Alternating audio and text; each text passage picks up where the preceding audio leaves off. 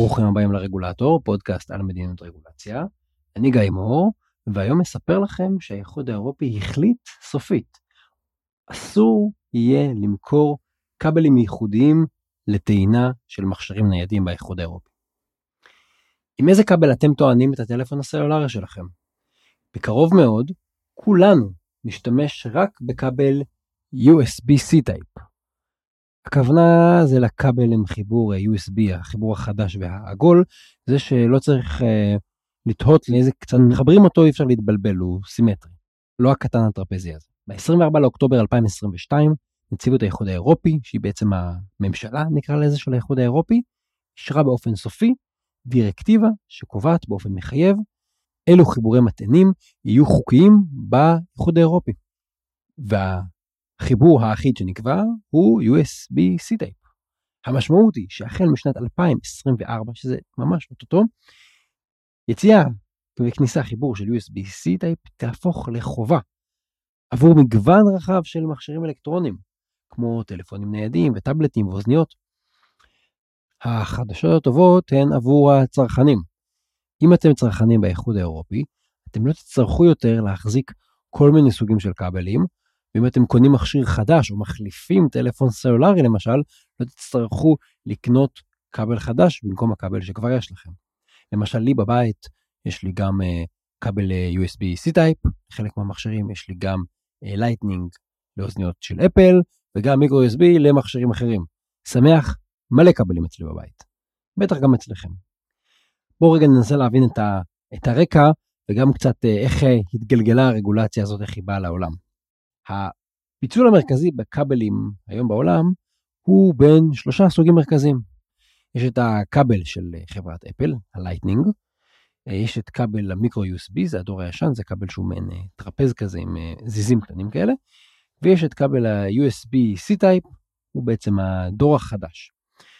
בעולמות של ה-USB הפיצול הוא בגלל חילופי דורות, המיקרו USB הוא הסבא וה-USB-C טייפ הוא היורש החדש שלו. וזה אומנם עניין של זמן וזה אמור אה, לחלוף מעולם למרות שהמיקרו USB לא כל כך הולך זאת אומרת חברות עדיין ממשיכות לייצר אה, מוצרים היום חדשים שהם מתאימים רק למיקרו USB. לעומת זאת הסיפור של הכבל של אפל הוא שונה. אפל באופן מכוון עיצבה ופיתחה כבל טעינה ייחודי ונבדל ואפשר לומר שהרגולציה הזאת בעצם מיועדת להתמודד עם אפל ועם המצב שהיא יצרה.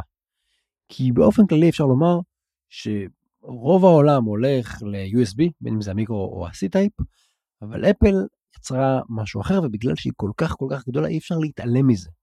אז נוצרו פה שתי מפלגות מרכזיות. לפי הניתוח המדיניות שהאיחוד האירופי ערך כבסיס לאותה רגולציה, בשנת 2020 צרכני האיחוד האירופי קנו כ-420 מיליון מכשירים אלקטרוניים שונים, וצרכן ממוצע באיחוד האירופי מחזיק בשלושה מטענים שונים לטעינת המכשירים האלה, מתוכם צרכן ממוצע משתמש בקביעות בשניים מהמטענים האלה. למרות זאת, 38% מהצרכנים דיווחו שהם חוו בעיות בטעינת המכשירים שלהם, מכיוון שלא היה להם מטען זמין. רגע, איך זה יכול להיות? אמרנו שיש להם שלושה מתנים, משתמשים מתוכם בשניים, בדרך כלל. אז הסיפור שלא היה להם מטען תואם כשהם היו צריכים אותו. זאת אומרת, הם למשל לא יכלו להטעין את האוזניות, כי היה ברשותם באותו רגע את המטען של הטלפון הנייד והוא לא מתאים. סופר מתסכל. כדי לטפל בבעיות האלה, בספטמבר 2021 הגישה הנציבות האירופית הצעה לקבוע דירקטיבה, שזה נקרא לזה חוק של האיחוד האירופי בפשטות, הדירקטיבה הזאת תחייב מטען אחיד, כבל טעינה אחיד. ההצעה הזאת התקדמה מאוד מהר, אחרי פחות מחצי שנה, בינואר 2022, המדינות החברות באיחוד הסכימו פה אחד לתמוך בעמדת הנציבות. חמישה חודשים אחר כך, ביוני 2022, המועצה והפרלמנט של האיחוד האירופי הגיעו להסכמה על הדירקטיבה, וגם נציגי המדינות אישרו את הנוסח. בתחילת אוקטובר 2022 התקיימה הצבעה הרשמית בפרלמנט, שאישרה את ההצעה, ובסוף אוקטובר הנציבות אישרה סופית את הדירקטיבה, ובעצם נתנה את החותמת האחרונה שצריך. אז הנה, זה קורה, ועכשיו מה שמעניין לשאול זה איזה השפעות אנחנו הולכים לראות כתוצאה מאותה רגולציה מאוד מאוד משמעותית של האיחוד האירופי על הנושא הזה. קודם כל, לי אין ספק שמטען אחד שמתאים לכל המכשירים, ישפר את הנוחות של הצרכן ויקל על כולנו. אבל צריך גם לסייג שהחובה למכור מוצרים עם אותו חיבור אחיד תחול רק החל משנת 2024. זאת אומרת עוד שנה. ובינתיים נמכרים מכשירים עם כבלים וחיבורים שונים.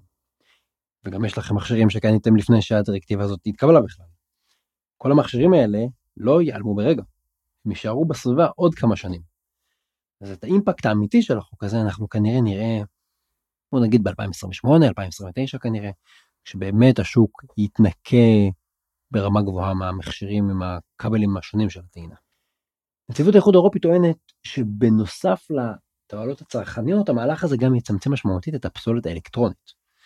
לפי דוח הריאה שנלווה לכל הצעת רגולציה, בדוח הזה ספציפית נכתב שהמתנים של הטלפונים ניידים יוצרים בין 11,000 ל-13,000 טון פסולת בכל שנה. זה הרבה פסולת. צריך לזכור שזה מתייחס רק על המתנים של הטלפונים הניידים. אם מוסיפים לזה מתנים של עוד מוצרים כמו טאבלטים, אוזניות ומכשירי ניווט, אז ההיקף כנראה גדל. מצד שני, אני מעלה שאלה. כמה מההיקף הזה יצטמצם בזכות החוק?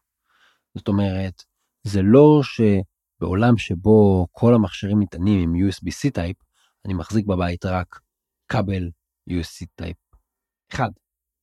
נכון? זאת אומרת, אני אמשיך להחזיק מטען אחד לפחות בבית, לטלפון שלי נגיד, ומטען אחד בעבודה, נכון? ולרובנו, אם יש לכם רכב, אז יש גם כבל טעינה ברכב, שהוא גם חיבור כדי לשמוע מוזיקה וניווט ודברים כאלה. ולרובנו גם יש אה, מספר מכשירים, נכון? יש לנו אה, טלפון ויש לנו אוזניות, יש כל מיני מכשירים, מצלמה, אז כנראה שגם בבית, גם אם אני אדם אחד, אני אחזיק יותר מכבל אחד. תוסיפו את העובדה שיש אותי וגם לאשתי יש טלפון סלולרי. בקיצור, אני לא השתכנעתי לגמרי עד כמה יהיה פה באמת צמצום משמעותי בפסולת האלקטרונית, כנראה שצמצום, אבל כמה באמת אנשים עם מספר הכבלים יפחת משמעותית, אני לא כל כך בטוח. בנוסף להוראה על הכבלים, הדירקטיבה גם כוללת עוד הוראות צרכניות. למשל, יש בה הוראה שהיא חובת גילוי. על האריזה של כל מכשיר יהיה צריך לציין האם הוא מגיע עם מטען או מגיע בלי מטען. סיפרתי בפרק 197 על זה שאפל החליטה אה, להפסיק לספק מטענים יחד עם המכשירים שלה. אז הנה חובת גילוי כדי שתדעו מה אתם מקבלים בתוך הקופסה. ויש עוד חובת גילוי, הדירקטיבה מחייבת כל מי שמוכר את אותם מוצרים אלקטרוניים להציג על האריזה גם מעין תרשים כזה שמציג את אה, כושר ההטענה של המטען והכבל. זה בעצם אומר לכם אה, תוך כמה זמן הוא מטעין את המכשיר, אם זה מטעין מהר או מטעין לאט. והדירקטיבה גם קובעת שחייבים לאפשר לצרכן אפשרות לרכוש את המכשיר בלי מטען. הם קוראים לזה Unbundling, זאת אומרת שאין כריכה בין המטען למכשיר. המטרה הזאת היא בעיקר להקטין את הפסולת האלקטרונית, כי אם יש לי כבר מטען, אז אולי אני אשלם, לא יודע, 30 אה, יורו פחות על המכשיר, ואני אקבל, אקנה רק את המכשיר בלי מטען. ולכן גם יש פה גם איזה פוטנציאל חיסכון כלכלי מסוים לצרכנים. לא נראה לי שזה העיקר באירוע הזה, אבל שווה להזכיר. בדירקטיבה נקבע שבתוך ארבע שנים נציבות האיחוד האירופי תבחן מחדש האם יש צורך בהוראה הזו שמאפשרת לצרכנים שלא לקנות את המטען יחד עם המכשיר העיקרי. בעצם מה שאנחנו רואים פה, שלגבי הסוגיה הזאת האיחוד האירופי שם איזה סימן שאלה לגבי הצורך בה, לגבי התועלת בסיפור הזה של Unbundling, ולכן הוא קובע מנגנון שמחייב בחינה תקופתית בדיעבד של החלק הזה ברגולציה. שזה אגב יפה באופן כללי, כי זה מאפשר לנו לשמור על הרגולציה העדכנית ומחייב אותנו לבדוק את עצמנו בדיעבד. אחד החששות סביב המהלך הזה היה שאולי אפשר לעקוף את הרגולציה הזאת באופן יצירתי. ואגב באופן לא כזה מתוחכם. לפני בערך שלוש שנים כתבתי בפעם הראשונה על המהלך הזה, שהרגולציה רק התחילה להתבשל. דיברנו על זה בפרק 163. כבר אז העליתי את האפשרות שאפל תנסה לעקוף את החובה הזו באמצעות ביטול האפשרות לטעינת המכשירים שלה באמצעות כבל. אז איך יטעינו את המכשירים? אם הם יעברו באופן מלא לטעינה אלחוטית. אז לפני כמה שנים זה אולי נראה לא כל כך סביר, אבל uh, מאז הטכנולוגיה התפתחה, והיום אנחנו רואים שהטכנולוגיה של הטענה אלחוטית, מה שנקרא הטענה בהשראה, היא מתפתחת והיא תופסת תאוצה והיא נעשית יותר יציבה ויותר uh, מהירה. אז במסגרת המהלך הנוכחי האיחוד האירופי התייחס גם לאפשרות הזאת. והם מסבירים שאומנם עדיין אין סטנדרט אחיד עבור טעינה אלחוטית, וגם אין סטנדרט מוביל, זאת אומרת שכולם מבינים שהוא באמת עדיף, כמו נגיד ה-C-Type בכבלים, אבל כן קבעו שנציבות האיחוד האירופי תבחן את הטכנולוגיה בנושא הזה, והיא תנסה לגבש תקנים לטעינה אלחוטית עבור מכשירים אלקטרונים, שהמטרה שלהם זה כמובן לקדם הרמוניה וגם לעודד פיתוחים טכנולוגיים נוספים. בין השורות של הניסוחים האמורים האלה, אני מבין שבאיחוד האירופי מודעים לסוגיה הזו, ומודעים לזה שאפל יכולה לנצל את המעין פרצה הזו, והם לא יאפשרו לאפל לעקוף את הרגולציה החדשה באמצעות מעבר לטעינה אלחוטית, שתהיה ייחודית רק לאפל. גם פה נצטרך לחכות ולראות מה יהיה. אז לקראת סיום, הערה כלכלית קטנה. אני מעריך שככל ששנת 2024 תתקרב, אנחנו נראה, לפחות באירופה, ירידה במחיר של מוצרים שנטענים על ידי כבל שהוא לא C-Type. אנחנו נראה את התופעה הזאת משתי סיבות. קודם כל, כי ככל שיעבור הזמן, לתוך 2024, יהיה יותר קשה למצוא עבור המוצרים האלה כבלים לטעינה. אתם תקנו טלפון, והכבלים שמתאימים לו לאט לאט ייעלמו מהעולם, יש בזה סיכון מסוים, ירידת ערך. וסיבה שנייה, בגלל שהחל מינואר 2024 אסור יהיה למכור בכלל את המוצרים האלה, אותם נגיד טלפונים או טאבלטים. אז אנחנו מעריך שאנחנו נראה סוג של אה, מכירת חיסול של מלאי המוצרים האלה במהלך 2023. אה, אין פה איזה המלצת קנייה, גם יכול להיות שהדבר הזה יקרה רק בתוך אירופה ולא יתגלגל אה, לישראל, אבל יכול להיות שאנחנו נראה פה הזדמנות צרכנית, כי בגלל מועד הכניסה לתוקף של הרגולציה, החברות יצטרכו להיפטר ממלאים. לסיכום, כדאי אולי להגיד על מי תחול הרגולציה הזאת. אז החובה לעבור לכבל טעינה אחיד תחול באיחוד האירופי על מגוון רחב של מכשירים ניידים, כמו שאמרתי, החל מינואר 2024.